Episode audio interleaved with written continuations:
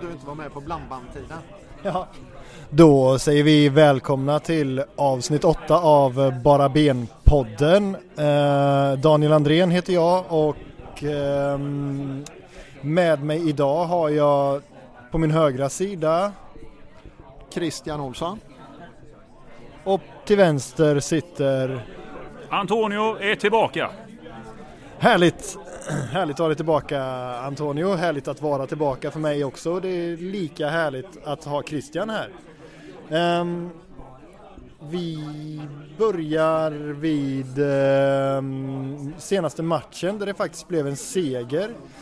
För senast vi körde podd så eh, hade det ju gått sådär minst sagt. Men eh, nu har kanske vindarna vänt då. Falkenberg borta. Tankar Antonio?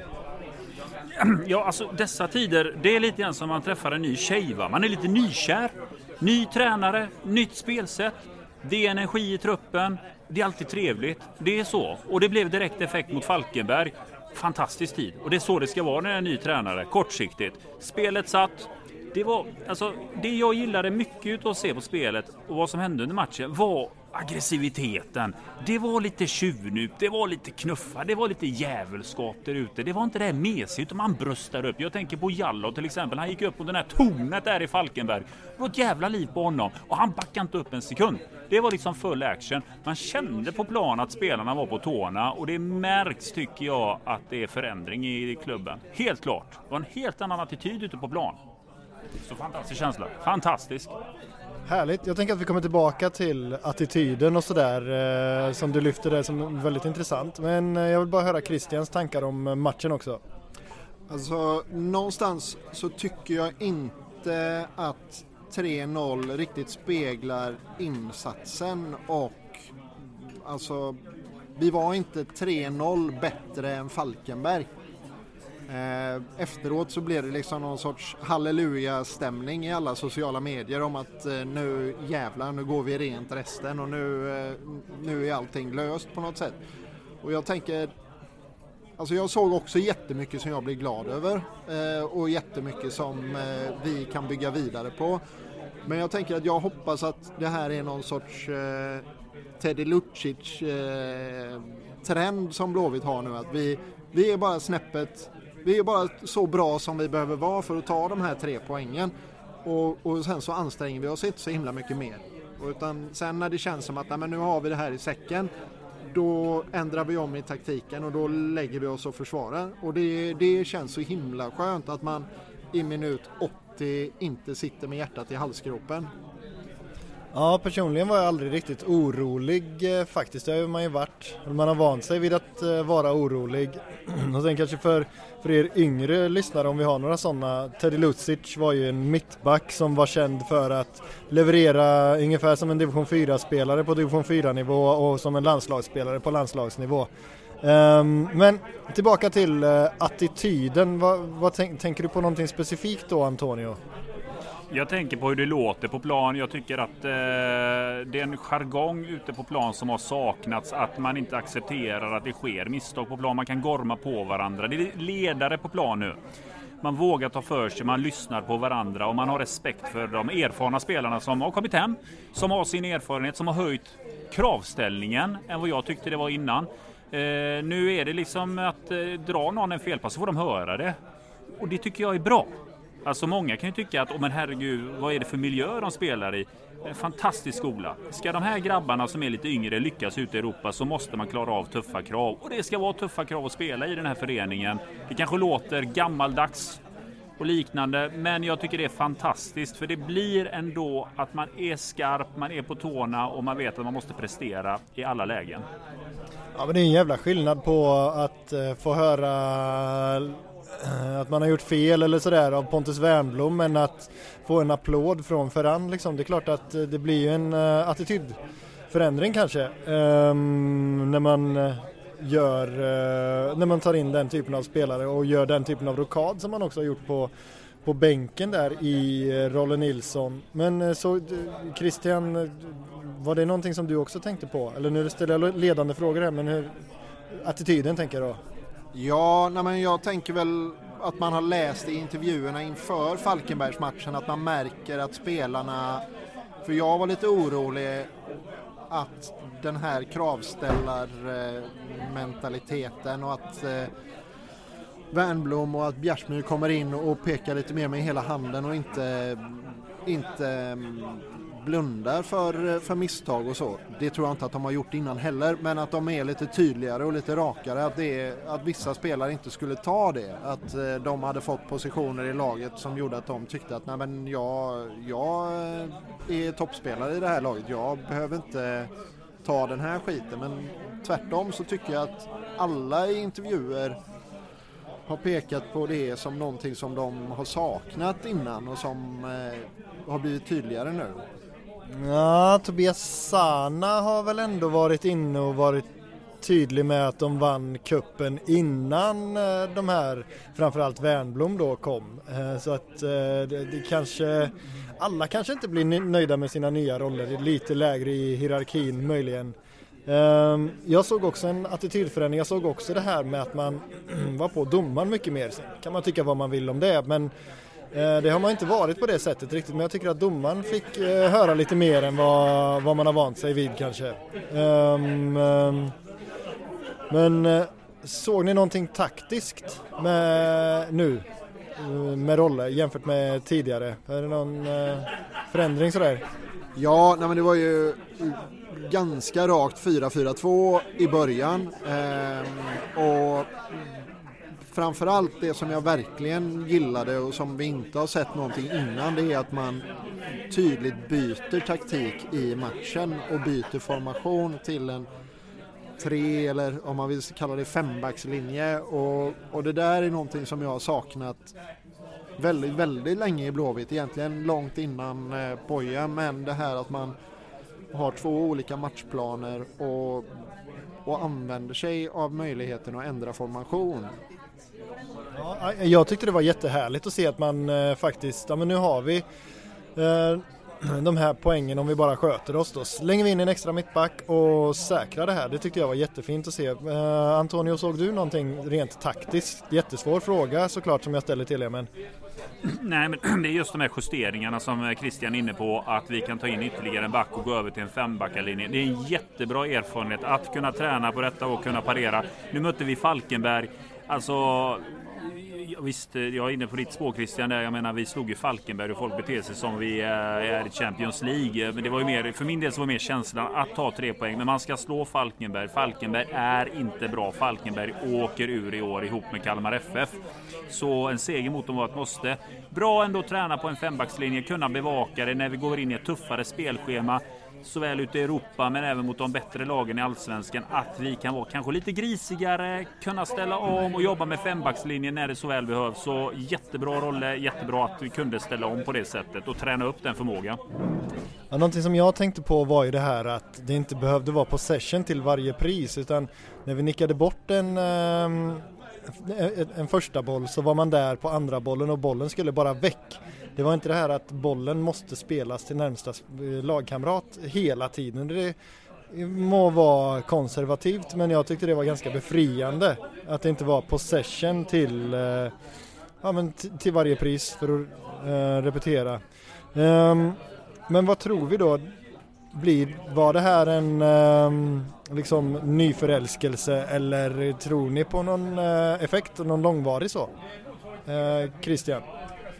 Ja, det är ju en svår fråga egentligen men ja, det, jag hoppas ju på det och, och jag tycker att sättet som jag såg att Rolle jobbade med de här olika taktikerna det bäddar väl för att det, det är det. En, eh, en rolleffekt på gång liksom att man inte mm, på något sätt naivt bara lägger om kursen 180 grader att nu ställer vi oss spikrakt i tre rätta linjer och så nickar vi och slår bort allt. Utan att man har dels då den här taktiska förändringen i andra halvlek men också att man försöker bevara det som Poja och det som arvet som finns liksom. Det här kortpassningsspelet och tryggheten i att spela sig ur eh, olika situationer. Sen så tyckte jag att Sana gjorde det bra ute på sin kant periodvis, riktigt bra och samarbetet mellan honom och Jallow och slipar man på det lite till så kan det bli superfint. Eh, ytterbackarna överhuvudtaget var ju väldigt, väldigt fina. Ja, vilken andra match av Kelly. Alltså, det är ju helt otroligt. Den såg jag inte komma. Um, Antonio, vad tror du? Är det här, eh, har vindarna vänt nu eller var det här en, eh, ja, en sommarflåga som dansade en sommar? Alltså oftast när det blir ett tränarbyte så är det den här effekten man vill se. Spelarna tänder till, man vill visa upp sig för sin nya tränare, att man är värd att vara i elvan och ha sin plats och så vidare. Det blir en energiboost. Sen är det ju så himla många matcher som kommer nu direkt och jag har svårt att se om nu Rolle avser att göra stora förändringar i det taktiska, att det kan implementeras fullt ut. För det är ju liksom det, det är match, några dagars träning, sen är det match igen, Europa, sen till helgen är det match igen.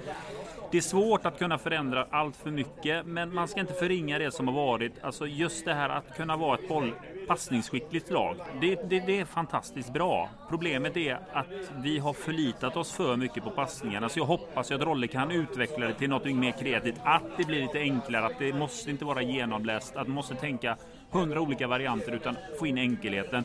Spontant säger jag kortsiktigt, vi kommer få bra resultat. Men jag tror inte att, eh, jag tror även med Rolle här när vi summerar säsongen så kommer det vara en sportslig besvikelse. Jag är inte rädd för att vi åker ur och så vidare, men vi kommer inte högre än åtta. Nej, den, den oron släppte jag ju i stort sett efter Falkenbergsmatchen. Då kände jag att ah, men det här ror eh, Rolle i hamn. Det blir, det blir inte superettan. Eh, och det kan vi väl, ja, men det kan vi väl nästan fastslå tror jag. Det känns som att eh, Christian har någonting att komma med här. Ja, nej, men kan vi verkligen fastslå det? Vad har vi? Vi har, eh, vi har Kalmar och Falkenberg som är garanterat sämre än oss. Ja. Eh, det köper jag helt och hållet. Jag ser, inget, jag ser inte att Nanne helt plötsligt ska vakna till och, och få ordning på Kalmar och Falkenberg.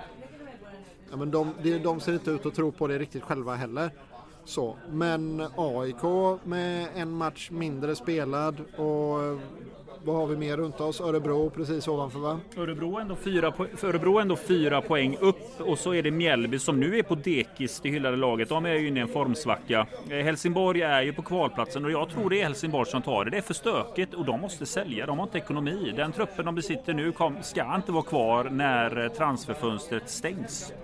Max Svensson lär väl försvinna och där eh, tappar de ju rätt många poäng. Gigovic också. Gigovic med. Gigovic. Eh, poängspelare också. Han måste ju säljas om de överhuvudtaget. Eller så får de gå till, eh, jag vet inte, kommunen är inte sugna mer nu Daniel. Det räcker nu alltså. De kan inte punga mer lån här nu. Du var ju bitter där ett avsnitt och det är befogat. Ja men den är befogad den bitterheten tycker jag. Ehm, framförallt med tanke på all breddfotboll som måste vaskas till förmån för Helsingborgs IF.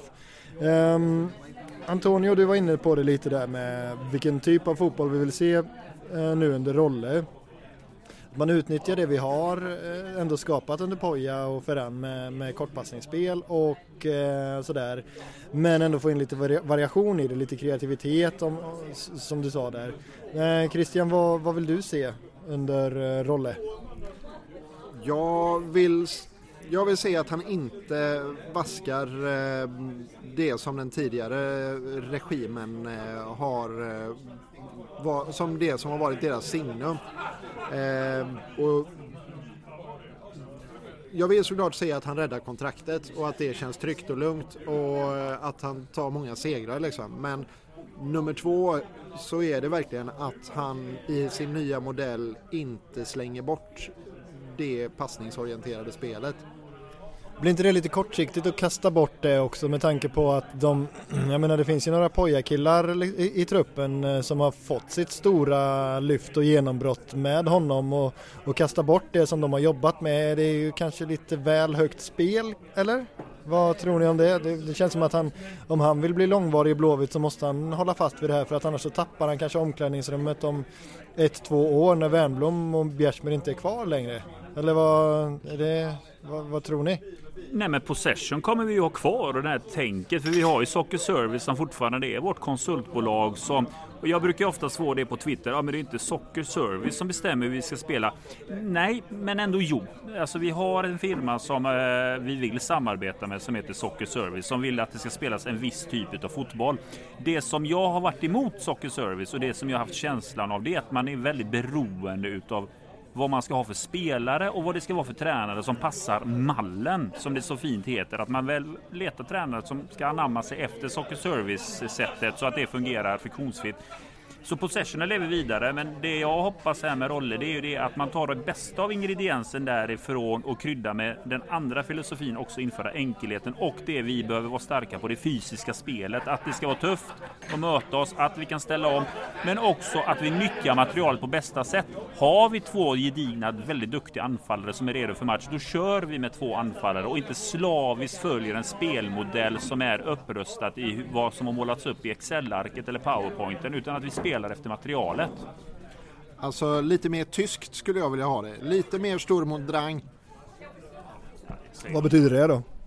Alltså nej, men lite rakare, lite mer effektivt. Men samtidigt med possession. Mm. Ja, possession eh, känns väl, och jag tror att det är svårt kanske i dagens fotboll att gå ifrån det för att då blir man kanske lite väl hårt straffad om man bara gör sig av med bollen hela, så fort man får den liksom. Det är, eller ja, det, det, kän, det är min känsla i alla fall. Man behöver kunna vårda bollen för att få vila effektivt liksom.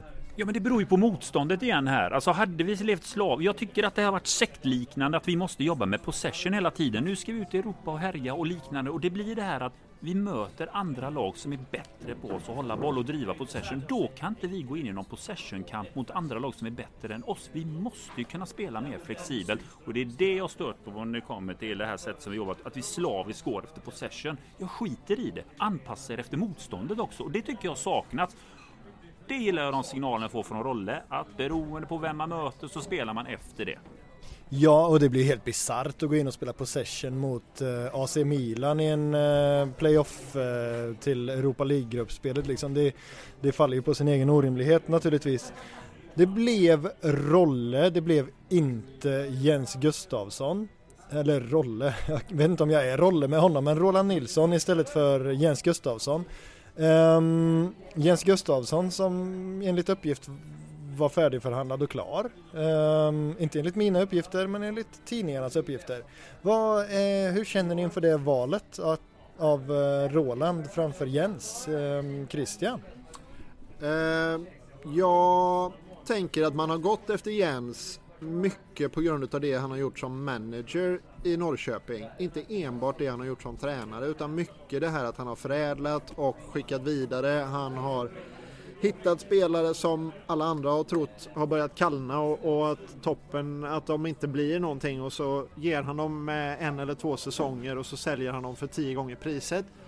Um, I Blåvitt så hade han väl aldrig varit aktuell för en managerroll tänker jag. jag tänk... äh, väldigt svårt att se. Nej men precis, vi hade ju två sportchefer vid det skedet när vi eventuellt var nära på att värva honom. Och bara ha honom som en tränare då är jag inte alls lika säker. Då känns han inte lika klockren. Alltså hade man från styrelsen, styrelsens håll sett att nej men vi ger Jens mandat som manager i Blåvitt, ja, men då, då hade jag nog varit mer ja, citattecken besviken nu över att det inte blev Jens.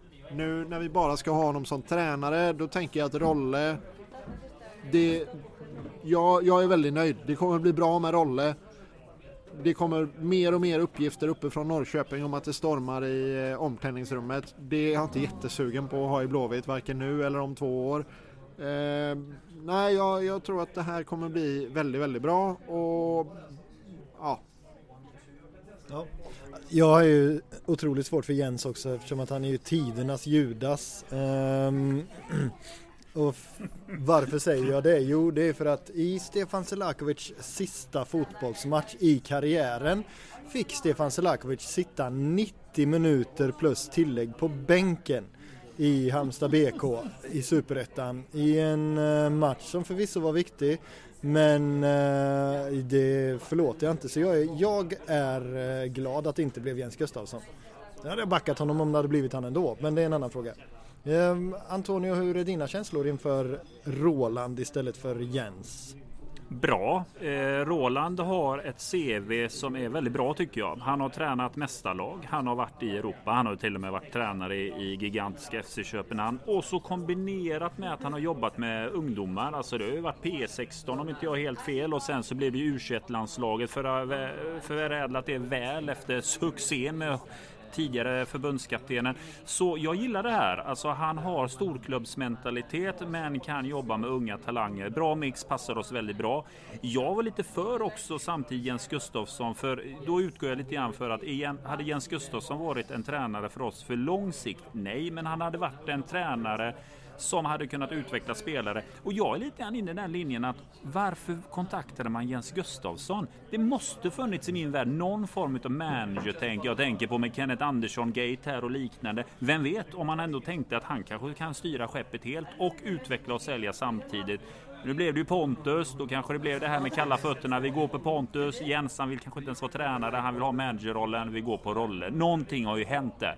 Sen att han inte kan hantera karaktärer, mm, det, det ligger han i fatet. Så klarar han inte Simon Tern, vet du fan hur han klarar en vresig Wernbloom och Bjärsmyr också. Det ligger han i fatet. Nej, alltså sätta, sätta Bjärsmyr på bänken är nog inte helt friktionsfritt. Då behöver du nog vara ganska stark eh, som ledare tror jag för att fixa det eh, rakt igenom. Um, men eh, ja, alltså det är ju intressant det där med just sportcheferiet då. Alltså det är en intressant aspekt som du lyfter där Antonio med att eh, Kenneth försvinner och men samtidigt så har vi en sportchef kvar och så tar man in en tränare som antagligen vill fortsätta vara manager. Det är ju intressanta aspekter. Ja, för att den senaste säsongen så var det faktiskt så att Norrköping vann ligan i spelarförsäljning. De sålde mest spelare och året innan det så var man eh, tvåa tätt bakom Djurgården. Så, och de har byggt upp sin ekonomi. Jag vet att det är mycket sör om att Norrköping har dopad ekonomi med det som att man har lånat pengar från kommunen eller fått pengar. Men driftmässigt sett med Jens Gustafsson i rodret efter Jan Andersson, briljanta siffror och man har ändå lyckats vara kvar där uppe. Och det är lite grann det vi drömmer om, att vi ska kunna vara med just nu och utmana Europaplatser men kunna du vet, dra in cashen. Det är ju Jensan briljant på, det måste jag ge honom. Ja, man kan ju vara både Judas och briljant. Um, Så är det. Ja. Och sen var du inne på Soccer Service också och Soccer, Soccer Service och Roland Nilsson. Um, är det någonting man bör fortsätta satsa på den här mallen som Antonio pratar om Christian? Ja, men jag tänker att någonstans i anställningsförfarandet utav Rolle så måste ju Soccer Services och Ferran ha varit inblandade eller varit uppe på bordet i alla fall. Att Rolle har blivit eh, informerad om att det här och det här gäller. Vi har det här avtalet, vi tänker si och så kring detta. Och någonstans har han ju köpt det. det han är ju här nu. Ja, men, och, och, det är ju inte första gången som han jobbar med spanjorer. Han hade ju sin eh, succé eh, andre tränare Pep Clotet Ruiz i Malmö.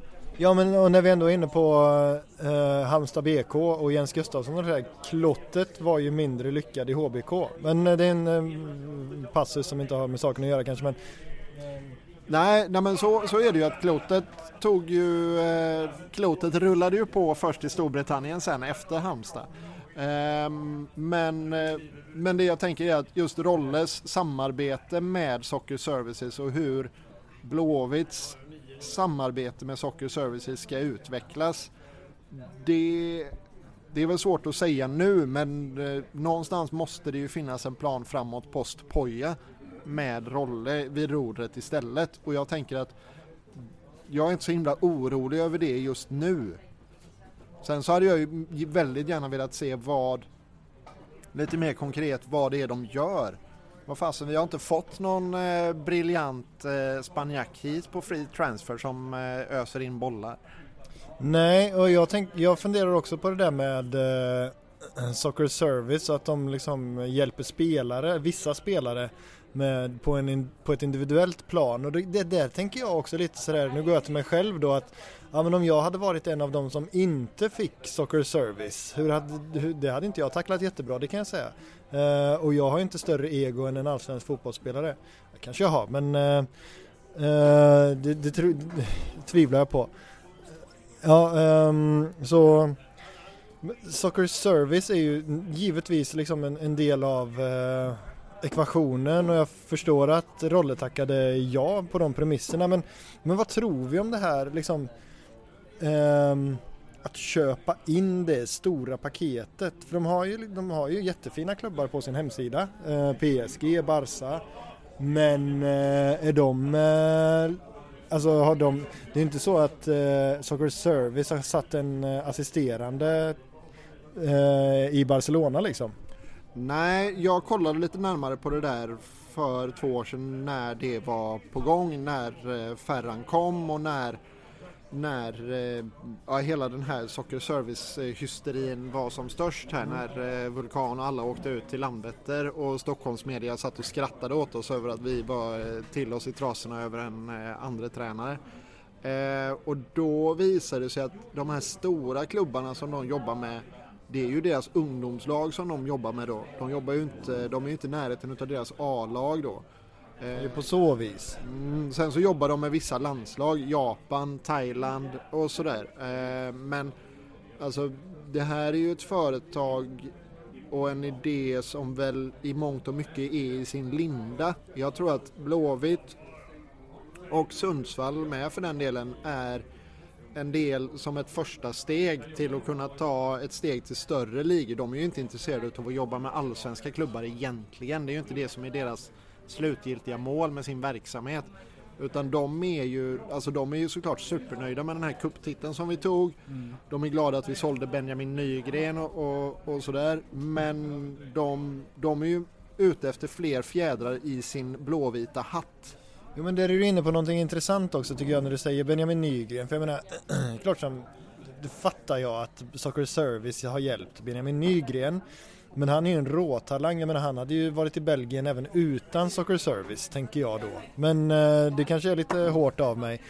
Antonio, du var ändå lite, det känns som att du var lite bitsk där när du pratade om att eh, ja, men det finns en mall och att man ska spela efter den och sådär. Vad är dina känslor inför Soccer Service? Tudelad. Jag känner att vi har följt mallen men det har hängt lite grann på att eh, vi har följt den slaviskt och vi har haft ett tränarpar som eh, verkligen gått hand i hand. Det är ju inte att förneka att Poja och Ferran var ju bästisar där. Tog ett glas vitt där kvart i ett på natten och surrade lite possession känns det som. Men jag tycker att eh, jag tycker att man har förlitat sig för mycket på det och man har inte varit flexibel nog. När man nämner ordet att vi hela tiden har bollinnehav, bollinnehav, bollinnehav och den du hörde från huvudtränaren assisterande konstant att det är en fantastisk grej. Då är det ett fel. Mm. Då är det någonting som är fel när man inte fokuserar på resultat. Hur tänker du då? Ja, hur jag tänker det är det enda man nämner. Hur många passningar man har i laget. Och de är inte de enda. Det är alltså possession, possession, possession. Jag hoppas att med Rolle att det finns säkert jättebra grejer med possession-fotbollen. Jag har varit lite negativ till det på grund av att jag gillar inte att man drar bort rötterna där man står, att man ska skapa någonting nytt. Om det är någonting som har format en klubb som gjort den till en stark klubb.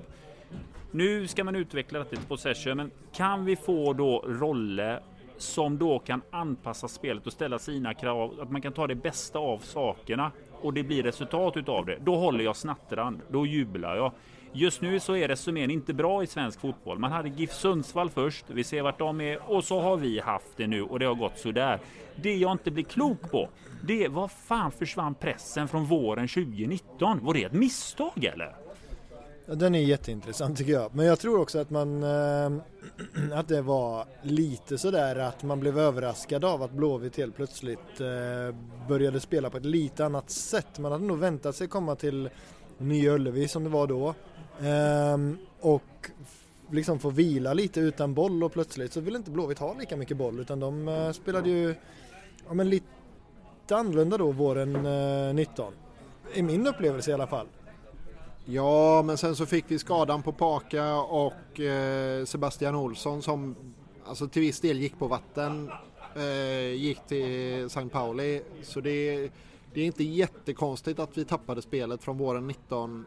Även om det också känns som att vi la om kursen från någonting som funkade ganska bra. Bara för att det inte passade mallen då. Det är lite känslan.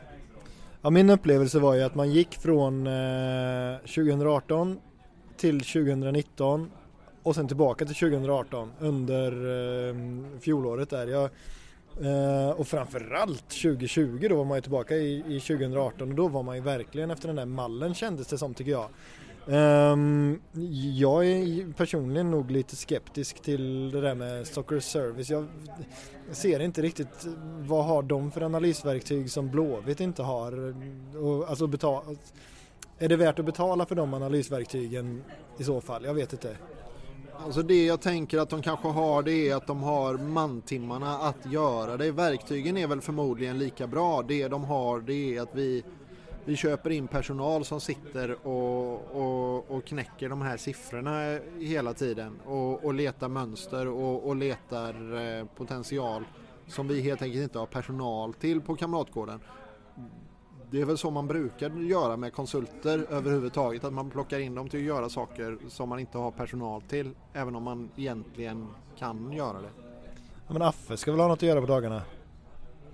Han har massa saker på sitt bord men... Eh, Nej, förlåt. Um, jag vi, vi, släpper Saker Service där och uh, fokuserar på fortsättningen av Allsvenskan. Vi hade en jättefin eh, seger mot Falkenberg. Nästa match är Kalmar. Vad tror vi? Fortsätter segertåget eller är det tillbaka till verkligheten? Kalmar tar vi, inga problem. Bedrövliga är de ju Kalmar. Så nej, nej, Kalmar tar vi.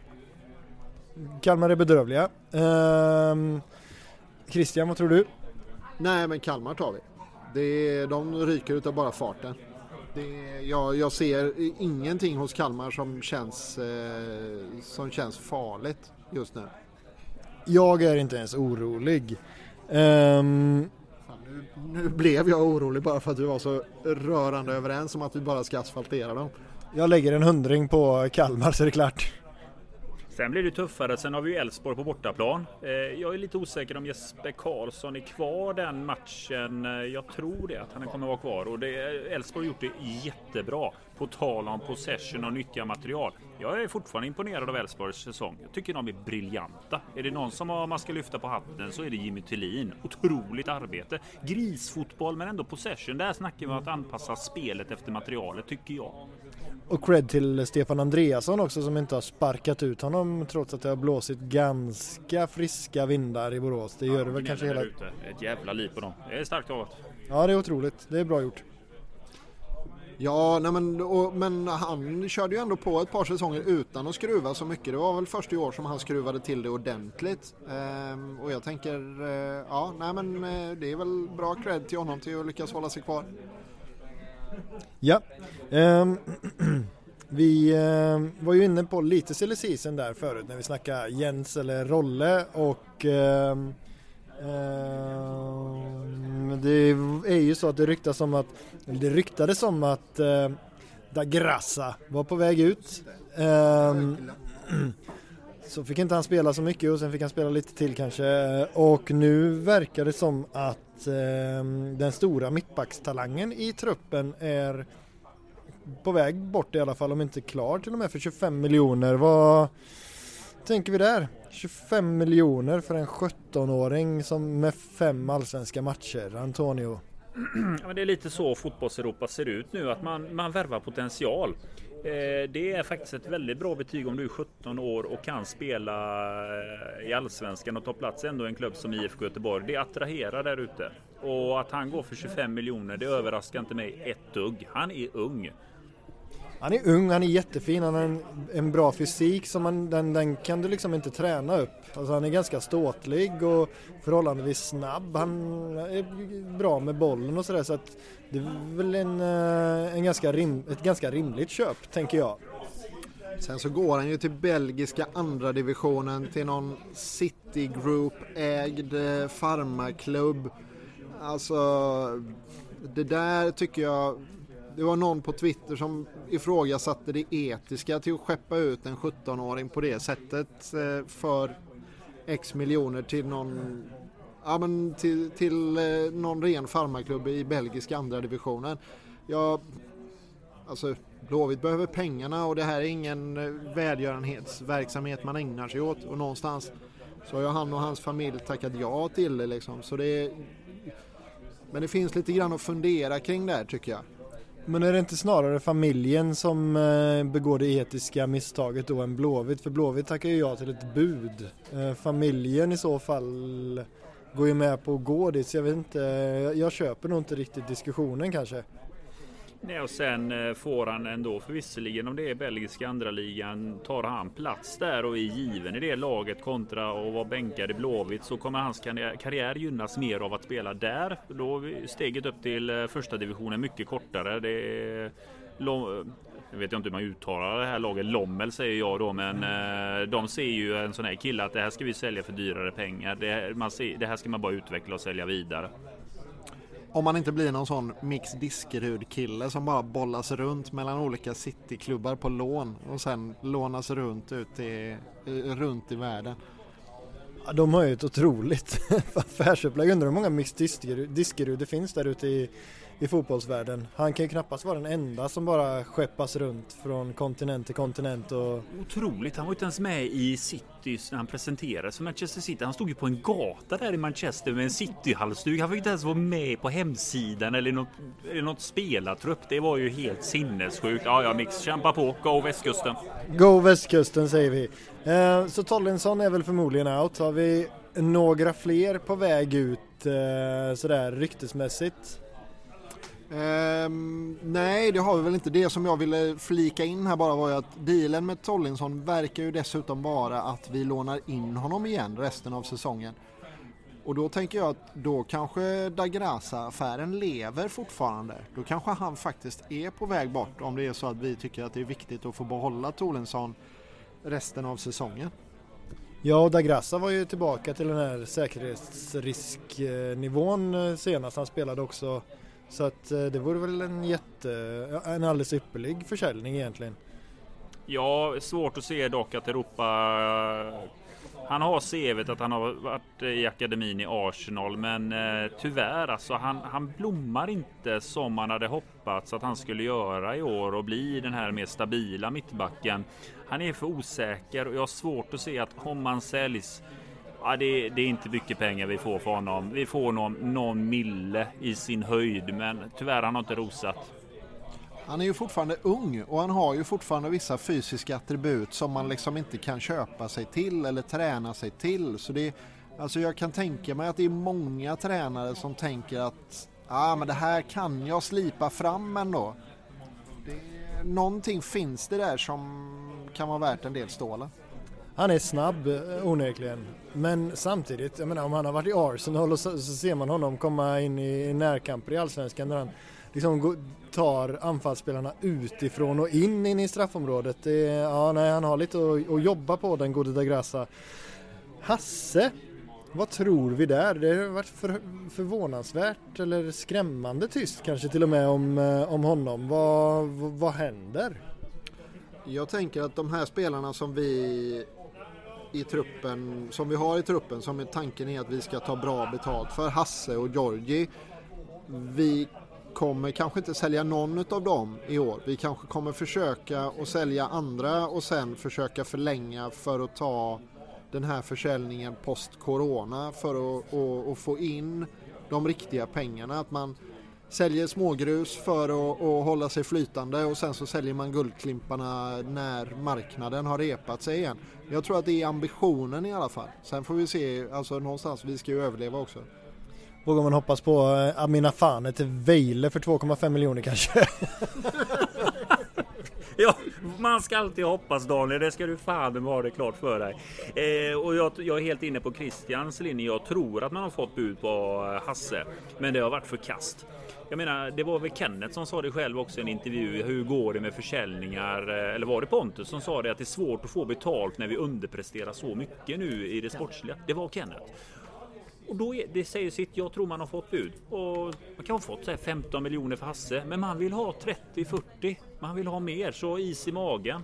Eh, och det är så jag nämnde det i något avsnitt också. Det är så flera tyska klubbar har resonerat i att jag har, vi har hellre kvar våra spelare nu mm. till efter Corona. Sen, eh, sen har man sålt lite grann till de som har gått för miljarden. Oljepengarna trillar ju fortfarande in där i Chelsea och så vidare. Men eh, man håller i detta och men man måste ändå göra en till försäljning anser jag för att inte ekonomin ska helt kollapsa. Driften eh, verkar ju vara på samma nivå som förra året, men då backar ju driften med 24 miljoner om inte jag helt fel. Så en till försäljning måste till för att vi ska kunna känna oss eh, någorlunda trygga med bokslutet eh, 2020. Och Georgi gör ju sitt bästa, eller hans fötter gör eh, deras bästa för att bli kvar i Blåvitt tyvärr. Stackars honom. Nu verkar det vara högerfoten istället för vänsterfoten eller om det är tvärtom. Stackars eh, ja, pojk kanske man inte säger om en 24-årig man men eh, stackars honom i alla fall. Eh, han blir nog svårsåld i dagsläget. På, alltså på gott och ont. Ja, ja. Um, så är det ju. Så är det ju. Nej men vi kommer inte sälja Georgie nu. Det är, frågan är väl om han spelar eh, nu det närmaste. Vi har inte hört någonting va? Jo, vi har hört att han inte tränat och att det då är rimligt att han inte spelar mot eh, FC Köpenhamn. Mm. Vi kommer tillbaka till FCK senare. Eller matchen mot FCK eh, snarare.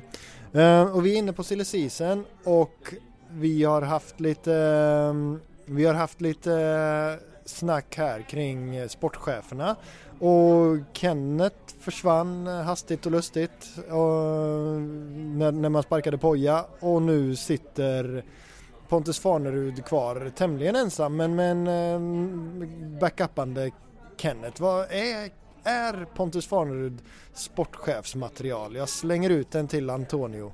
börja med att säga först att det är det inte otroligt konstigt att Kenneth Andersson eh, väljer att kliva åt sidan mitt i när det är slutspurten av Europafönstret när vi ska sälja spelare. Jag hade sett det här som fullt normalt när Europafönstret stängde att Kenneth säger jag är klar. Nu, nu går jag lite åt sidan. Pontus tar över. Men det är, är det en protest? Gud ja. Jag tror han, jag tror han är jättebitter. Jag tror han är bitter över det som hände med tränaren. Ingen snack. Man kliver inte. Alltså, det är ett par veckor kvar av fönstret. Det är nu sportchefen har som mest att göra. Så kastas Pontus in i elden och bara ska köra de här försäljningarna. Någonting har hänt. Jag sätter min eh, lilla slant på att Kenneth blev riktigt förbannad över det som hände och valde att kliva åt sidan. Och man får handla till det att Kenneth är kvar som rådgivare till Pontus, men att han gör det på distans. Jag har inget ont att säga om Kenneth, eh, vare sig som person eller sportchef eller någonting egentligen. Eh, bortsett från att jag tycker att han var en bra fotbollsspelare. Men är inte det lite för mycket förskolenivå och dra när det börjar blåsa emot en sådär. Alltså nu vet vi ju inte vad som har sagts och hur det har sagts och vilka löften man har fått som sen har brutits och sådär. Men alltså jag är ju böjd att hålla med dig. Det är inte i det här läget som man eh, slänger in eh, hatten liksom. Det är vad fasen. Det är nu Problemet är att man sitter här och pratar som supporter och jag tänker liksom att vad fan, det blå, är man det minsta blåvit så ger man liksom inte upp precis nu. Vad fan, håll i i två månader till, genomför de här försäljningarna och förstärkningarna inför nästa år och vad det nu är man har i pipelinen och så vid jul så säger du tack och hej och där är det det liksom bit ihop lite grann och, och svär över styrelsen hemma till frun eller vad det nu är som skaver liksom. Men ah, jag tycker det, det är lite för dåligt ändå. Okamratligt eh, rent av Antonio otroligt okamratligt. Nej, men alltså om man ska se debatten här nu i samband med det som hände. Vi ska inte allt. Vi ska inte vara inne för mycket med föregående tränare, men det blev ju ett himla liv om att styrelsen tog beslut över vissa sportsliga eh, ansvariga personer som inte tyckte detsamma. Men det, det, är ju inte konstigt, det är ju så fotbollsvärlden fungerar. Jag menar, stick ner till Serie A och se hur det funkar. Där kommer ägaren och säger nej men nu ryker han och sportchefen. Ja, men det, är inte, det tycker inte jag. Ja, men det, det är styrelsen har talat, punkt slut. Det är så här det ser ut. Om styrelsen säger någonting, det är bara att rätta sig i ledet. Och det är inget nytt fenomen i Blåvitt eller någon annan klubb. Det är så det ser ut där ute. Som Kenneth vill vara på en arbetsplats där han inte har en styrelse som ska bestämma över vad man ska göra. Ja, då har du valt fel bransch eller fel roll att jobba med. Då får du gå in i ett styrelseuppdrag och inte vara sportchef. Ja, nej, jag håller med. Jag tycker det är märkligt. Ehm, men tillbaka till kärnfrågan då som, som vi lyfte. Pontus Farnerud, sportchefsmaterial, ja eller nej? Vad, vad, vad, vad är dina tankar Christian? Men jag tänker att han nog är ett sportchefsråämne. Frågan är hur eh, finslipad har han hunnit bli här nu under det här året. Det är väl där som jag är lite tveksam då. Jag tror att det här kanske kom lite för tidigt. Nu är Kenneth med i bakgrunden och eh, det finns fina resurser borta på Änglagårdsskolan som kan stötta honom om man plockar upp, alltså Jonas Olsson är väl med i Sportrådet fortfarande va? Det tror jag ja. Ja, och då är det ju en superfin resurs att, att ha runt sig och Affe är, har otroligt mycket fotbollskunnande också. Så det, jag är egentligen inte jag är inte jätteorolig men jag är ändå lite, det känns, han är ute på i djupa bassängen lite tidigt tror jag. Slår Pontus Farneruds kontaktnät Mats Grens kontaktnät, Antonio? Inte en chans. Ingen slår Mats Grens kontaktnät, punkt. Nej, förlåt, det var en, en sarkastisk fråga naturligtvis. Vad, men eh, vad tror du? Är Pontus Farnerud sportchefsmaterial idag eller ej? När han sökte till jobbet som sportchef så när han var en av kandidaterna på den tiden, han var tydlig med att säga att det vill jag verkligen ha som jobb och då kände jag att nej, du är inte där ännu Pontus. Jag, jag, jag fick liksom känslan av att det här är en god kille, han gillar Blåvitt, men är det här den här ponduskillen som liksom styr och ställer och är sportchefsmaterial över spelarna? Men som Christian är inne i, nu har han varit här i föreningen, han har vuxit in sig i en roll och jag tror inte han är råämnet idag som sportchef, men bra stöd runt omkring. Viktigt tror jag för Pontus att han får tydliga ramar. Här är budgeten, det här är det du ska förhålla dig till och och jag hoppas att han är, han är extremt prestigelös i sin roll och verkligen säger till när han behöver hjälp och kompetenta personer som Jonas Olsson, Alf Westberg. Han har Kenneth Andersson som rådgivare så han omges av bra personer. Eh, vi får väl se. Kan, man, kan han landa ett par försäljningar här nu med Tolinsson och någon till så får man ju säga att han har fått en väldigt bra start. Jo, nej men definitivt. Och där tror jag ju att alltså alla de där processerna är ju långa så där är ju ingenting som han Alltså där finns ju förarbetet redan gjort liksom. Och jag tänker att det är likadant med den här eventuellt den här andra försäljningen som vi gärna vill se och som nog är garanterat på gång. Att det är ju ingenting som han behöver sy ihop själv och där han Även om det ser ut så utifrån att han är ensam och han får allting i knät så är ju väldigt mycket redan klart. Liksom. Fjärdedomaren håller upp en skylt där det står 30 sekunder så jag lämnar ordet till Antonio. Fem, fem plus på Pontus Svanerud, hur det är med honom i media, hur han har agerat, hur han har pratat och de facto ändå hur snabbt man landade en ny tränare i form av Roland Nilsson. Han har jobbat hårt där och han har gjort det där jävligt bra. Alltså där Ja, jag vill nog... Eh, det enda smolket som jag ser i den bägaren det, det gäller väl egentligen alla i föreningen och det är att man pratar lite för mycket om eh, våran förra tränare och hur jobbigt det här har varit med det rent personliga på något sätt. Det, det där tycker jag inte riktigt anstår en klubb av Blåvitts dignitet att man pratar om, om det som att man har förlorat en kär vän. Det är liksom en tränare som har fått gå, punkt. Det snacket köper inte jag heller. Och det gjorde ju inte Max Markusson till slut när han gick ut och sa att vi har inte skjutit någon, vi har bara sparkat en tränare och så fungerar fotbollsvärlden. Och sen dess har diskussionen dött. Stort tack Max! Och med det går vi till paus. Fem minuter. Då är vi tillbaka för en andra halvlek här från eh, Haket. Um, denna förnäma plats på jorden. Eh, Antonio är tillbaka, eh, Christian är tillbaka, Daniel är tillbaka. Eh, vi har pratat lite om någon form av, eh, inte kulturrevolution men en eh, förändring i kulturen. Vi har pratat om en hel del gott och jag tänkte faktiskt sätta er lite på pottkanten här och bara slänga ut Paka.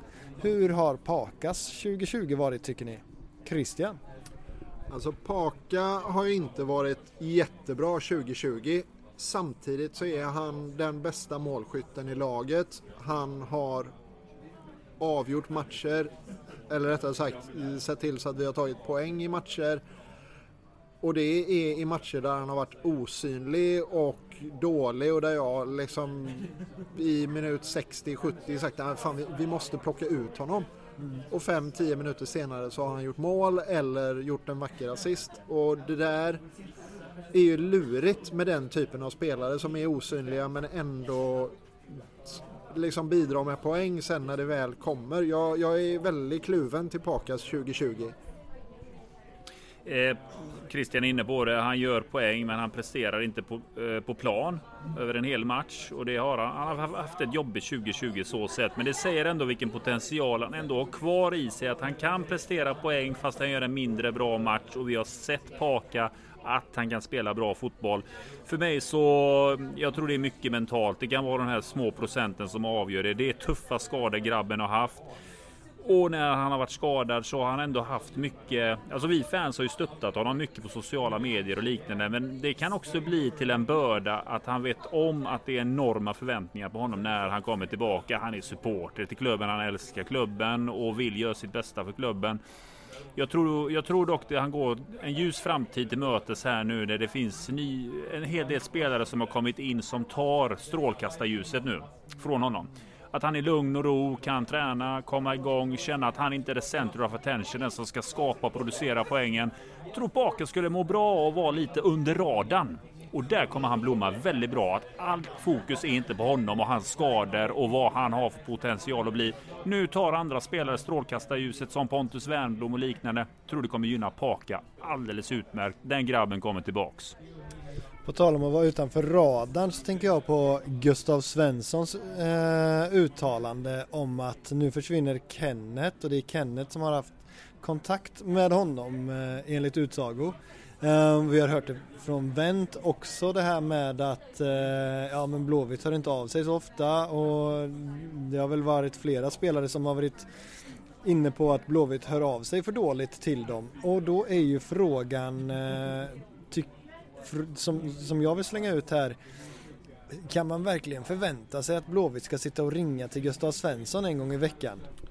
Alltså man kan inte förvänta sig att sportchefen ska höra av sig till Gustav Svensson och stämma av läget. Och det är väl lite där, alltså jag tror att Blåvitt och spelarna håller ryggen fria här lite grann genom att man låter mycket av den här kontakten gå via Gustav Hessfeldt. Att det är han som känner de här killarna, det är han som har haft dem i U-lagen på den tiden. Och jag tror att man utnyttjar honom, att han har någon chattråd eller att han slänger iväg något sms och på det sättet så klubben håller ju kontakt med dem men de kan ändå liksom i media säga att nej men jag har inte hört någonting särskilt och så dör frågan lite grann. Och det som dyker upp istället är ju någon sorts svekdebatt bland oss supportrar att men vad fan varför gör ni ingenting? Varför håller ni inte kontakt med dem? Jag tror att man ändå gör det men på ett lite mindre officiellt sätt under bordet så att säga med Gustav Hessfeldt. Och den strategin tycker jag är bra egentligen. Ja, vad säger Antonio? Ska man dalta med dem och eh, ha regelbundna uppdateringar? Nej, för vad, vad, vad är det som kan hända? Jag tror att om man vrider klockan tillbaka när Håkan Mild var sportchef. Då tror jag Håkan Mild var väldigt aktiv med spelarna som gick ut i Europa. Men det var ju för han var ju en fadersgestalt för många av de spelarna han sålde. Många såg upp till Håkan Mild och de kunde höra av sig till honom i början och han kunde vara den här mentorn. Jag tror det kan väl vara lite grann det som var då jämförs med det som är idag som inte är det lika täta. Eh, men jag tror ändå, alltså det, det vore ändå väldigt konstigt att spelarna själva inte förstår att de är alltid välkomna tillbaka. Jag tror en sån som Gustav Svensson, skulle han på ett sätt kunna känna att Fasken är det inte dags att vända hem nu? Jag tror eh, inte. Då står klubben där med öppna armar igen. Och att det finns någon form av kontakt, det finns det. Och ehm, annars är det inte Pontus Wernbloom bara dykt upp. Nej, det är ju knappast så att Pontus Wernbloom eh, ringde liksom helt oförhappande och sa att hej, jag är kontraktsfri. Det är klart att de har pratat med varandra. Um, och vidare till det så kommer ju då Ragnar Sigurdsson eh, ganska nära till hans. Det är kanske lite mer silly season i och för sig som vi redan har avhandlat men där han menade att man inte hade haft någon kontakt. Eh, och man tog in Bjärsmyr istället, vilket man är glad för liksom, att ha honom i truppen. Men borde Blåvitt ha gått för eh, Ragnar? Vad, vad, vad säger ni? Eh, jag tror fortfarande inte att vi hade haft råd med Ragnar Sigurdsson. Jag tror hans löneanspråk hade varit betydligt större än vad Bjärsmyr eh, har idag. Bjärsmyr bor i stan, har familjen här. Eh, och sen tycker jag att Ragnar Sigurdsson har varit väldigt tydlig med sin kärlek till Köpenhamn. Jag fick inte någon känsla överhuvudtaget att han skulle vilja ta cykeln hit utan han har trivts jättebra. Och jag tror det, det är han som har stängt dörren, det är inte Blåvitt. Ja, tidigare tänker du då liksom? Nej, även nu. Alltså jag tycker att han är otroligt tydlig med att han stortrivs i FC Köpenhamn. Jag tror inte vi hade en chans att få honom. Nej, det tror inte jag heller, men um, samtalet bara då. Ja, men jag tänker att klubben ganska så, att de har ganska så bra pejl på, på Ragnar, vad han, eh, vilka val han har gjort och, och hur han har, har eh, pratat och någon kontakt har ju funnits tidigare, det är jag helt säker på. Och sen så, alltså i den här mittbacksjakten som var under, ja egentligen hela, under ett helt års tid så är det såklart många som har dykt upp och funnits på radarn och sen försvunnit bort igen och där, det är klart att Ragnar var en utav dem, det tror jag helt garanterat. Men vad fasen, har inte han en eh, någon ultras-tatuering från någon utav eh, FCKs ultras-falanger på sig? Han har ju liksom inte kommandobryggan tatuerat någonstans. Stämmer. Stämmer. Det och sen kontakt med spelare. Alltså det sker ju men det är ju med agenten man surrar också väldigt mycket primärt. Det är ju agenten som sköter affären. Man ringer ju inte Ragnar Sigurdsson och säger du vill du komma hem nu? Du får den här lönen. Då är svaret det får du ta med min agent. Det är ju så det funkar. Ja, eh, och sen kan jag tycka att det blir lite sådär. Jag håller med Antonio. Det är väl klart som tusan att Gustav Svensson vet att han är välkommen till Blåvitt. Ska vi inte behöva ha kontakt med dem med, med regelbundenhet överhuvudtaget. Jag menar, de har väl andra saker att göra på jobbet än att sitta och surra med gamla spelare, får jag för mig. Ja, men det får man väl ändå hoppas att de inte bara sitter och surrar med gamla spelare och dessutom Alltså när han förlängde med Seattle var det inte en jäkla massa hullabaloo då där han påstod att klubben inte hade hört av sig och det, där det sen visade sig att det inte riktigt stämde. Jag, alltså, jag gillar Gurra men just det här surret i, i medierna, det, jag ger inte jättemycket för det. Jag är helt övertygad om att han är välkommen hem oavsett hur våran trupp ser ut eh, efter nästa fönster. Han svär sig fri. Um, Ja, det var väl, ja så länge inte Barca ringer så, så, kommer, så är jag en Blåvitt-spelare men det räckte tydligen med ett samtal från, eh, från dåvarande klubben eller också nuvarande klubben då så eh, det var väl luft värda de orden. Imorgon eh, väntar en stor match mot FC Köpenhamn. Blåvitt ska ut och Europakvala igen. Ehm, och med det här nästan bakruset från Falkenbergsmatchen så har vi väl lite vind i seglen ändå. Vad eh, tänker vi kring morgondagens match? Har vi en chans eller är FC Köpenhamn eh, numret för stora, Antonio? David mot Goliat i den här bataljen såväl i spelartrupp, ekonomi, allting egentligen. Vi möter Skandinaviens bästa fotbollsklubb utan tvekan. Eh, har eh, prenumererat på spel ute i Europa, har nu under 2000-talet varit med i Champions League tre gånger. Varav en gång gick man till och med vidare i gruppspelet. Prenumererat däremellan också på spel i Europa League och så som sent nu i eh, somras kvartsfinal mot eh, Manchester United. Det är en jättebedrift. Kolla lite grann på laget vill jämföra lite korta siffror. Eh, FC Köpenhamn har idag ett marknadsvärde på sin trupp som ligger på 36,8 miljoner euro. IFK är 12 miljoner euro. Snittåldern 27 och vi har 25. Eh, förlorade nu i helgen visserligen eh, premiärmatchen men det ger jag inte mycket för. Jag tycker de har eh, en betydligt bättre trupp än vad vi har. De har en otroligt bra anfallare som de värvade den förre Brumby-kaptenen Vilcek eh, som numera är polisbevakad för så inte Brumby-supportrar jagar honom. Sen är de väldigt de jätteintressanta yttermittfältare och det är jag lite rädd för. Eh, det kan hota oss. Vi har haft svårt med ytterbackarna just i det defensiva och det kan vi bli grymt straffade på. Jag hoppas att Rolle tänker lite grann här nu, femmanna försvar kunna vara lite taktisk kontra för att eh, täcka våra ytterbackar. Annars kommer det vara många gator där som eh, FCK kommer kunna ta sig igenom. Vågar man hoppas på en Sebastian Eriksson kanske från start mot eh, FC Köpenhamn på en vänsterback? Jag tror definitivt att Sebastian Eriksson kan vara aktuell för en start mot FC Köpenhamn. Frågan är om han kanske inte tar en av de, som jag tror, tre mittbacksplatserna i en fembackslinje i sådana fall. För jag tror att det som vi såg mot Falkenberg i andra halvlek är så som vi kommer starta mot eh, FC Köpenhamn. Alltså i formationen, att vi kör en 5-3-2 formation. Ja, och vad, vad ger du oss för chanser?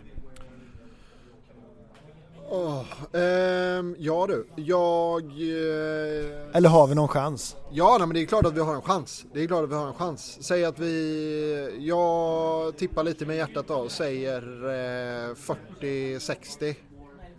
60% chans att Blåvitt vinner enligt Christian. Eh, nej, förlåt.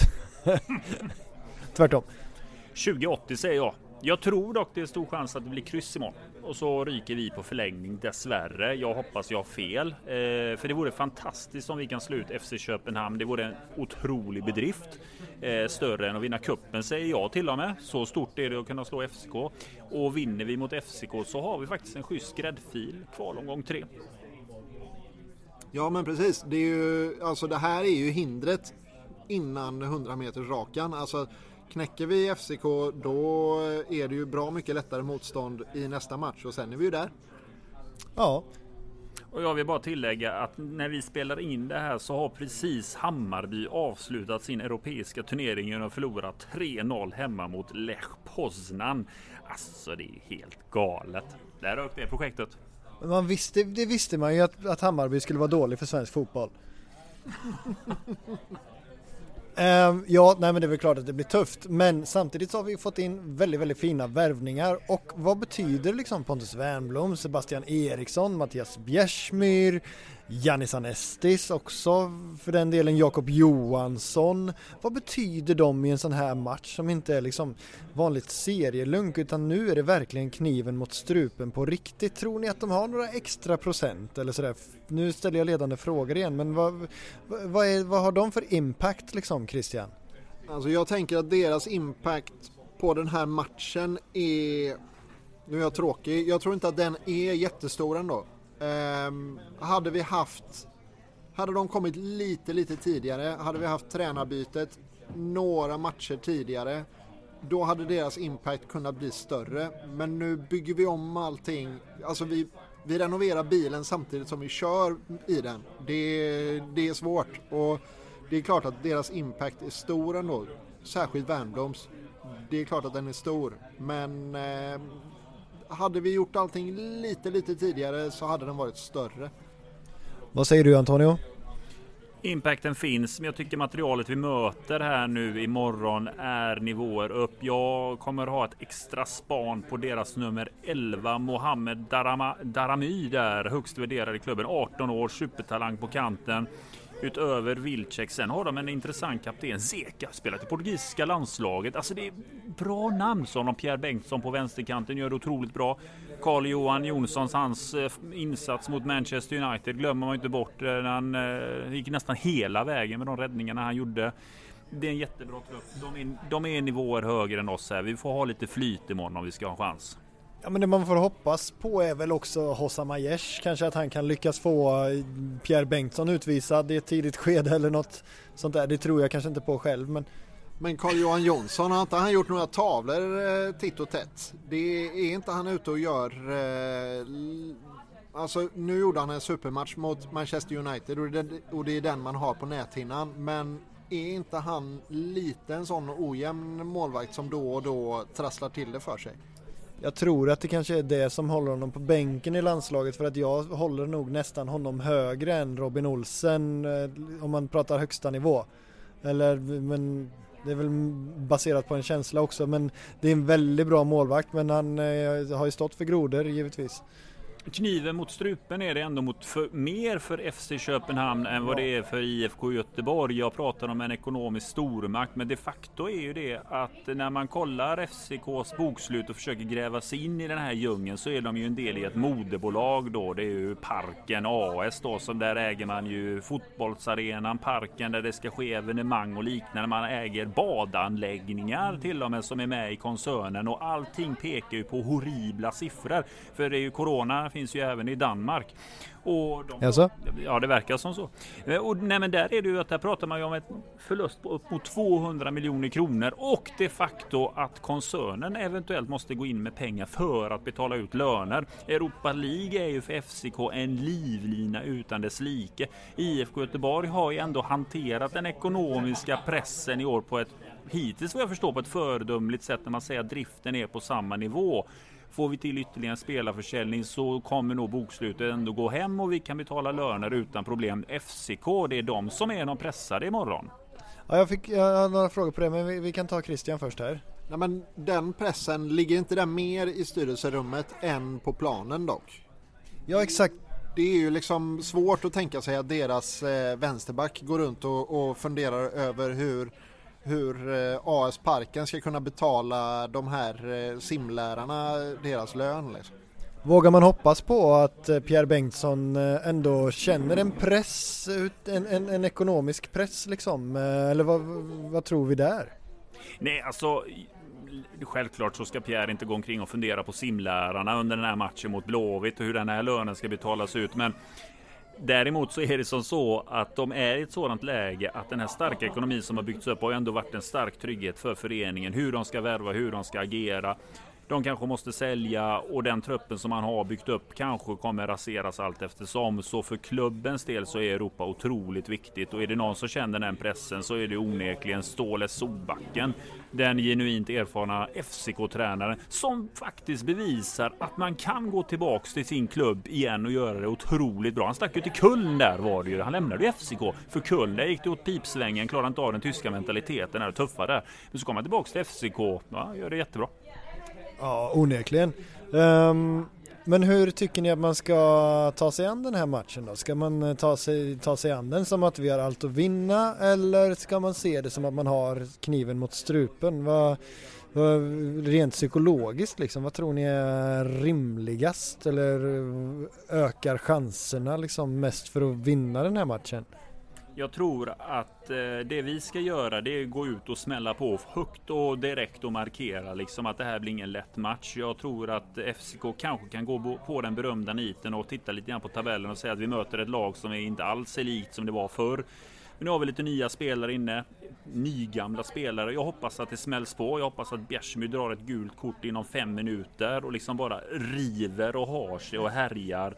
Eh, så sätter man respekt på dem, får dem lite grann ur balans. Jag tror trash talk är superviktigt den här matchen. Ja, men jag är väl lite inne på samma grej, att man, man smäller på högt och att man är tuff mot dem.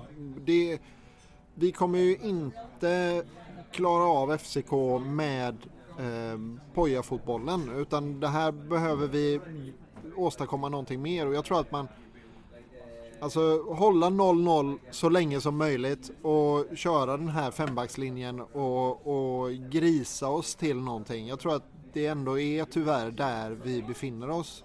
Även om det inte är så som jag egentligen vill att Blåvitt ska spela fotboll så tror jag att det är så som vi har störst möjlighet att göra någonting utav den här matchen.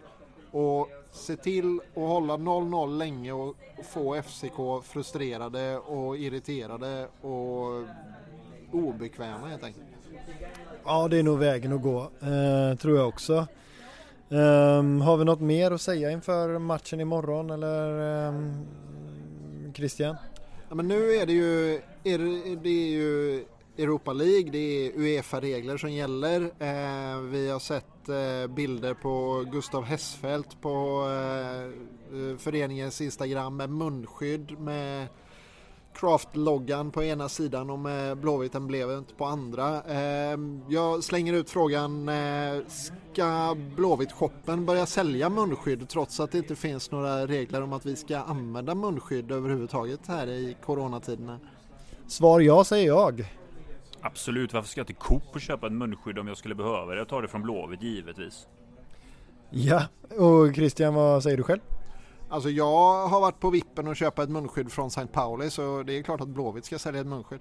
Du vet att den kommer inte hjälpa dig ett skit den där alltså. Det... Men den är snygg. Kontring på det Antonio? ja, design och tyskar. Jag säger no, say no more. vi, vi tar det vidare. Um, och um, ska vi se här. Vad väntar vid eventuell seger mot FCK? Det tror jag faktiskt att det är Antonio som har rätt bra koll på det va? Mycket bra motstånd. Skulle vi ta oss vidare här nu mot FCK så kan vi ställas mot nordirländska Coleraine eller Motherwell. Det är drömmen med ett skotsk motstånd. Eh, tuff nöt om vi får möta Anatharsis från Cypern, topplag från cypriotiska ligan. Var inte DMK i Motherwell? DMK är inte Motherwell, han är ju Sparta Prag. Nej, nu, inte nu, men var inte han på lån där? Han var på lån där, det är riktigt. Det stämmer när han var i engelska ligan, det är riktigt. Sen eh, Anathorsis kan vi ta oss an, eller så blir det litauiskt eller svåra Sloven Liberec. Eller så kan det bli Piast som vi slog. Vi mötte ju Piast eh, Gliwice sist. Vi var ute på Europa League-kval bortaplan. Vi vann väl 3-0 om inte jag minns helt fel. Eller så möter man österrikiska Hartberg. Bra lottningar, får man säga mardrömsmotstånd så får jag säga Anathorsis eller Slovan Liberec från Tjeckien. Piast, var inte det då det var otroligt härj på Avenyn med, med våra olika firmor? Var inte det Slack Wroclaw eller vad de hette? Ah, de, slaskgänget. Ja. Eh, så kan det vara, så kan det vara. Ehm, precis.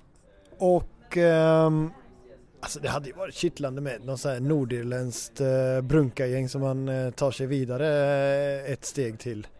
Alltså jag har ju fortfarande en otrolig kärlek till Shandidno.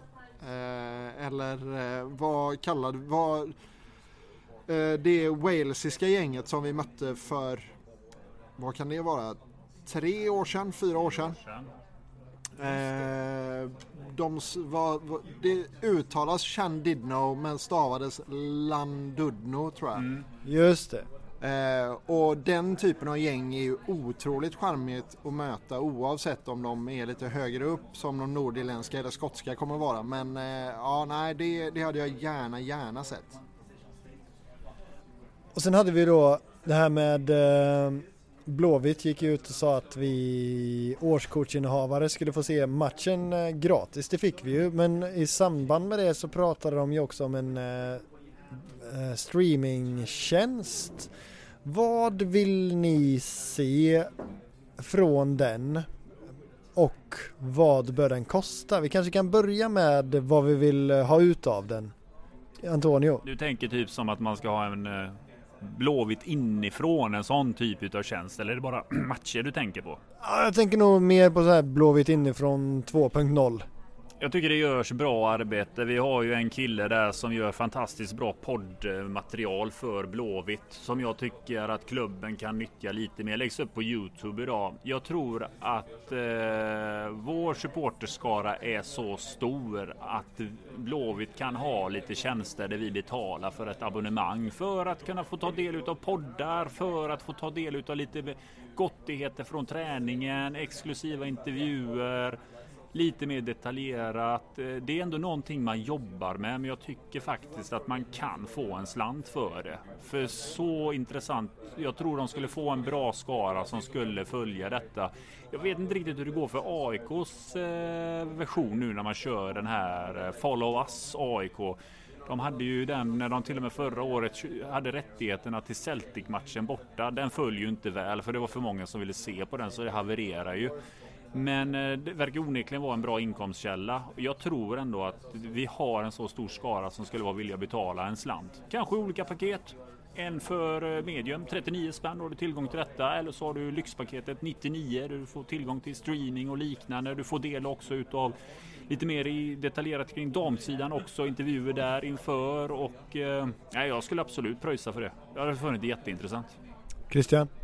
Alltså jag tror ju att det hade varit bra att baka in det som en premiumgrej till medlemmar och till årskort. Att man slänger på en slant, att man höjer årskorten en slant och så bakar man in det här där i. För jag tror i mitt fall så hade jag, jag hade väldigt gärna prenumererat på den men jag hade haft lite svårt att, att motivera ytterligare ett streamingkonto som går månatligt på, på budgeten där hemma. Men det, det där är ju olika för oss allihopa men jag tror verkligen att det hade varit bra Alltså ska man ha det så måste man ju ta betalt för det och man behöver fylla det med bra grejer. Eh, jag tänker som Antonio att vad fasen stoppa in, stoppa in hela damrättigheten i, eh, i den här appen. Det, GP sänder ju inte ens alla Blåvitts matcher. Varför ska de få ha rättigheten om de inte ens gör någonting med den? Utan det, det tycker jag definitivt att vi ska ha själva och, och göra någonting med. Jag vet också att det är många utav spelarna, eller många, jag vet att flera utav spelarna de är inte sugna på att göra så himla mycket media med andra kanaler men är öppna för att göra mycket med den egna klubben. Och då, då tappar man ju såklart kritiska vinklar och det blir mycket medkammat och sådär. Men alltså då får man ju de här långa reportagen som vi vill ha. Man får ju att de får lägga ut texten. Och det är, nej, det, det är klart att det hade varit värt mycket ändå. Jag hoppas att man verkligen gör någonting med det och utvecklar det under eh, säsongsuppehållet här nu. Ja, jag tänker jag ska fortsätta kamma medhårs lite för Blåvitt gör en jättefin podd, eh, Blåvitt tilläggstid och jag ser liksom ingen anledning till varför, varför man inte ska låsa in den. Jag menar folk betalar eh, 39 kronor i månaden för saker som håller betydligt lägre nivå än, än vad den gör.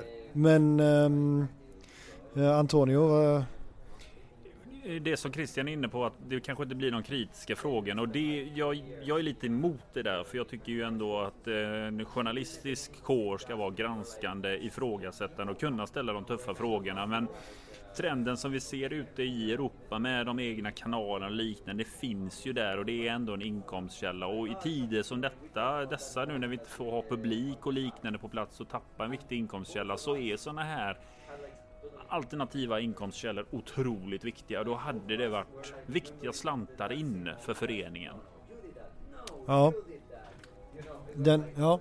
Ja, men någonstans så tänker jag också att när man gjorde rekryteringen utav Marcus Moder så måste man ha haft det här i bakhuvudet att man ersatte den pressansvarige man hade innan med Marcus så måste man ju ha tänkt att han skulle har varit 2.0 på något sätt. Att han skulle kunna fylla kanaler med poddar etc. Det, det tänker jag ändå. Och det, jag, nej men jag, jag, tror ju på det. Det kommer ju bli riktigt, riktigt bra om de bara vågar göra det. För det kommer väl kosta en slant i investering att liksom, eh, särskilt om man nu ska sända dammatcherna och man ska få en okej okay produktion på dem så, så kommer det ju såklart kosta en slant men jag tror definitivt att man får igen det. Och framförallt om man liksom tänker på att, podd, att spelarna som det är inte gillar att göra poddar men kan tänka sig att göra för Blåvitt. Jag menar då är det väl ganska smart tänker jag att låsa in dem. Det behöver inte kosta tusen kronor i månaden kanske men, men för en, en rimlig peng. Nej men så är det och jag är inte ett dugg orolig för i föreningen har vi ett struktureringsgeni. Det löser sig. Det här kommer vi fixa. Ja det löser struktureringsgeniet givetvis. Vi se om hon kan banka in någon straff eller två imorgon också. Eh, men eh, det kanske jag hoppas på för mycket. Um, Antonio och Christian. Vi fick en inte tittarfråga. Vi fick en eh, lyssnarfråga om eh, att vi skulle titta in i spåkulan inför 2021. Vad ser vi 2021? Vad vågar vi hoppas på? Eller eh, vågar vi hoppas på att det lyfter nu? Eller vad, vad händer liksom? Erling Mark, blir han landslags mittback eller landslags mittfältare eller Dagrassa, är han kvar eller eh, vinner Söder skytteliga nästa år eller vad, vad ser vi? Alltså vi spelar i Allsvenskan nästa år. Ja. Till att börja med. Ehm, Rolle Nilsson projektet fortsätter framåt. Så är det. Ehm, vad det kommer leda till det är jag lite osäker på. Alltså jag, alltså jag har sett för lite utav Rolle och hans Blåvitt för att se vart det här kommer ta vägen. Ehm, vilka kommer ta kliv nästa år? Eh, Paka gör ett eh, riktigt fint år. Han tar liksom Tobbe Husens mantel om att bara leverera på de udda åren eh, och vara eh, mindre bra de jämna åren. Eh, det är det jag ser i spåkulan. Trevligt. Antonio? Den är fin. Vi vinner kuppen. Vi tar den igen eh, så vi får spela ut i Europa. Paka gör en succésäsong, känner inte den här pressen, går lite under radarn i år och blir revanschens år 2021. Eh, Wilhelmsson kommer göra entré. Blir sen såld till sommaren. Ung grabb, det blir Belgien där. Alltså, de lägger 30-40 på honom. Säkrar vi lite cashen där. Paka gör det bra. Georgi illa honom. Fan, han, han, kommer inte bli såld den här sommaren. Så jag, jag, jag säger det. Han, han, han, ska ha en bra vår här nu. Sen kommer Feyenoord där igen och tittar lite på honom där. Lite sugna på honom. Eh, Topp 4 nästa säsong. Absolut. Topp 4. Ja, jag, jag, tror också Wilhelmsson sticker nästa år och då tror jag att han Alfons Nygård kanske axlar den juniormanteln. Um, jag tror inte att vi får någon um, tredje gången gilt på Dahlqvist utan han är nog uh, borta till nästa säsong. Jag tror att Kelly eller, um, kommer ta stora kliv och bli en fullfjädrad allsvensk spelare. Men sen så undrar jag lite kring hur det blir där på högerbacken. Jallow, kommer han bli kvar och vad leder det till för Holm? För Holm vill inte sitta på bänken en säsong till. Eller? Jag tror inte Jallow blir kvar nästa sommar. Jag tror han kommer stärka sina defensiva kvaliteter och eh, han har roll där inne. Han kommer bli såld. Holm kommer gå in. Eh, sen tror jag Gustav Svensson kommer tillbaka. Han lämnar Seattle nu. Han har hållit på i Disneyland hela tiden också. Han är trött på det där. Så det är, han vill hem till regnet igen. Eh, sen lägger jag en sån här grej att det kommer bli trubbel på sommaren när Blåvitt inte vill ha Oskar Wendt. De blir bara trötta på honom. Marcus Berg blir intressant också by the way där. Då går ju kontraktet ut efter EM så Marcus Berg är lagom till efter EM. Intressant. Men det blir svårt det här nu, för nu börjar vi få en ganska bred trupp och vi kommer hamna i det här läget. Varför satsar vi? Debatten kommer handla om att vi inte satsar på talanger. Vi har så ålderstigen trupp. Vi går emot våra principer att lyfta upp eh, Änglagårdstalangerna för det är jädra pensionat där uppe nu där med massa äldre spelare. Det kommer bli jättemycket debatt om det. Men Marcus Berg, du är så välkommen, absolut. Men om vi stannar lite där. Jag menar, det är ju ehm, så att det blir ålderstiget. Men eh, är inte det också på grund av att de yngre förmågorna faktiskt inte har visat sig vara redo?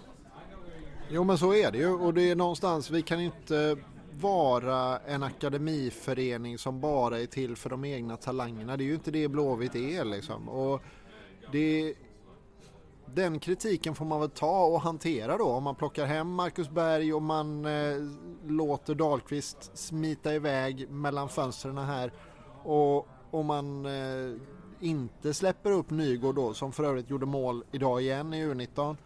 Eh, då, då får man väl ta den kritiken då och då får man ju ta den att men de, de når inte upp till nivå och Marcus Berg är här och vill hem och spelar i har precis avslutat sin landslagskarriär. Hur ska man kunna säga nej till det? Ja, det är ju vansinne att tacka nej till. Och sen så blir det ju också så att jag menar Nygård kommer kanske inte utvecklas så jättemycket av att lära sig av Wilhelmsson som är något år äldre men däremot Marcus Berg som kan stora vida världen liksom. Han har ju hur mycket som helst att bidra med. Och Wernblom kan ju inte bara liksom lära sina lagkamrater Göteborgsvitsar utan han kan ju också lära dem ett och annat om hur det funkar ute i eh, fotbollseuropa så att det är väl klart att man måste ha en, eh, en blandning men eh, den diskussionen kommer uppstå absolut.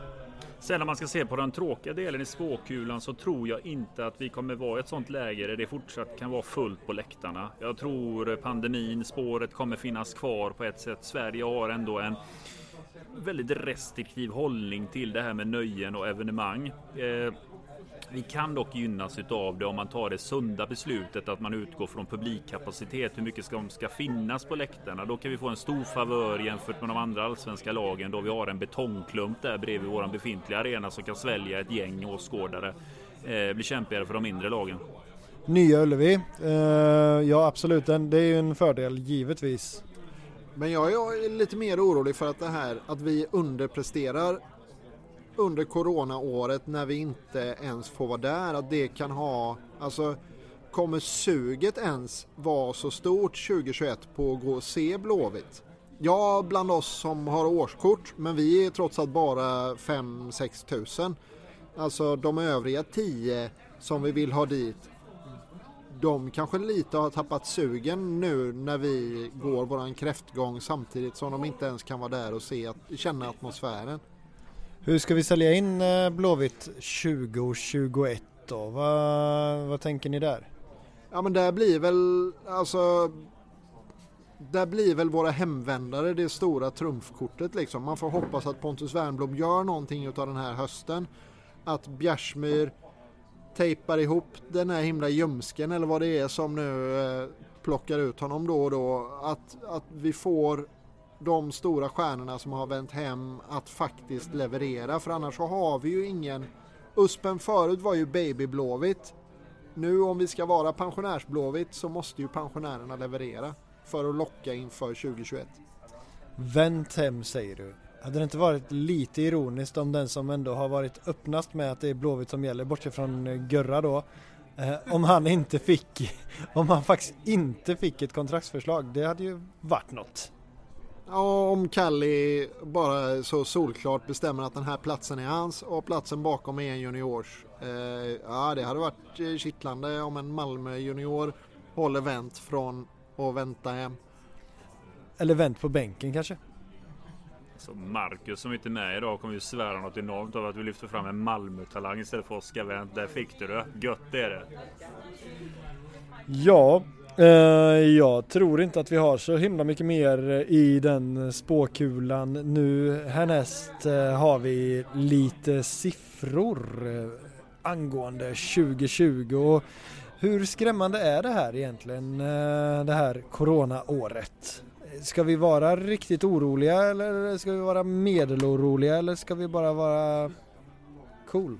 Jag tror vi kan vara lite oroliga för jag tror att det här med Swish-aktiviteterna börjar avta lite grann. Det var väldigt aktivt i början av säsongen där det swishades febrilt så jag tror att den intäktskällan börjar minska lite grann nu. Eh, går det bra i Europa så drar vi in lite extra slantar på det som vore välkommet.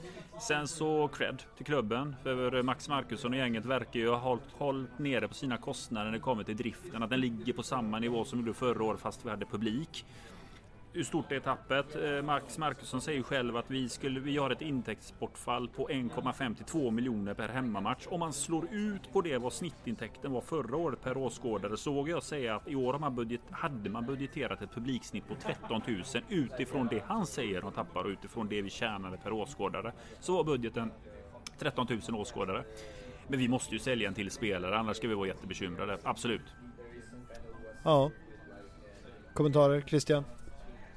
Nej, nej men det är ju jättebekymmersamt såklart. Och jag personligen är jättepositivt överraskad utav de kommentarerna som eh, Max fäller i samband med att eh, den här eh, Poya Poja Out presskonferensen att siffrorna ser ut att kunna gå mot svart det här året. Det är, jag, jag som inte är en sifferkille tycker att det känns det känns helt orimligt att vi kan göra det. Jag förstår liksom inte hur det går ihop.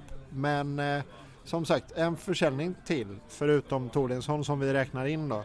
Det, det känns som att det måste till. Ja, och på tal om då Europapengar och sådär så vill jag bara återvända eh, som en, för att få en sista kommentar här från herrskapet angående matchen imorgon. Kan jag få er till att tippa ett slutresultat? 1-1 eh, full tid, 2-1 till Blåvitt efter förlängning. Snyggt! Antonio? 1-1 fulltid, 1-2 FCK. Andrén? 1-0 fulltid, Wernblom. Bra tack, hej! Tja! Instopp eller? Ja, eller uh, den igen.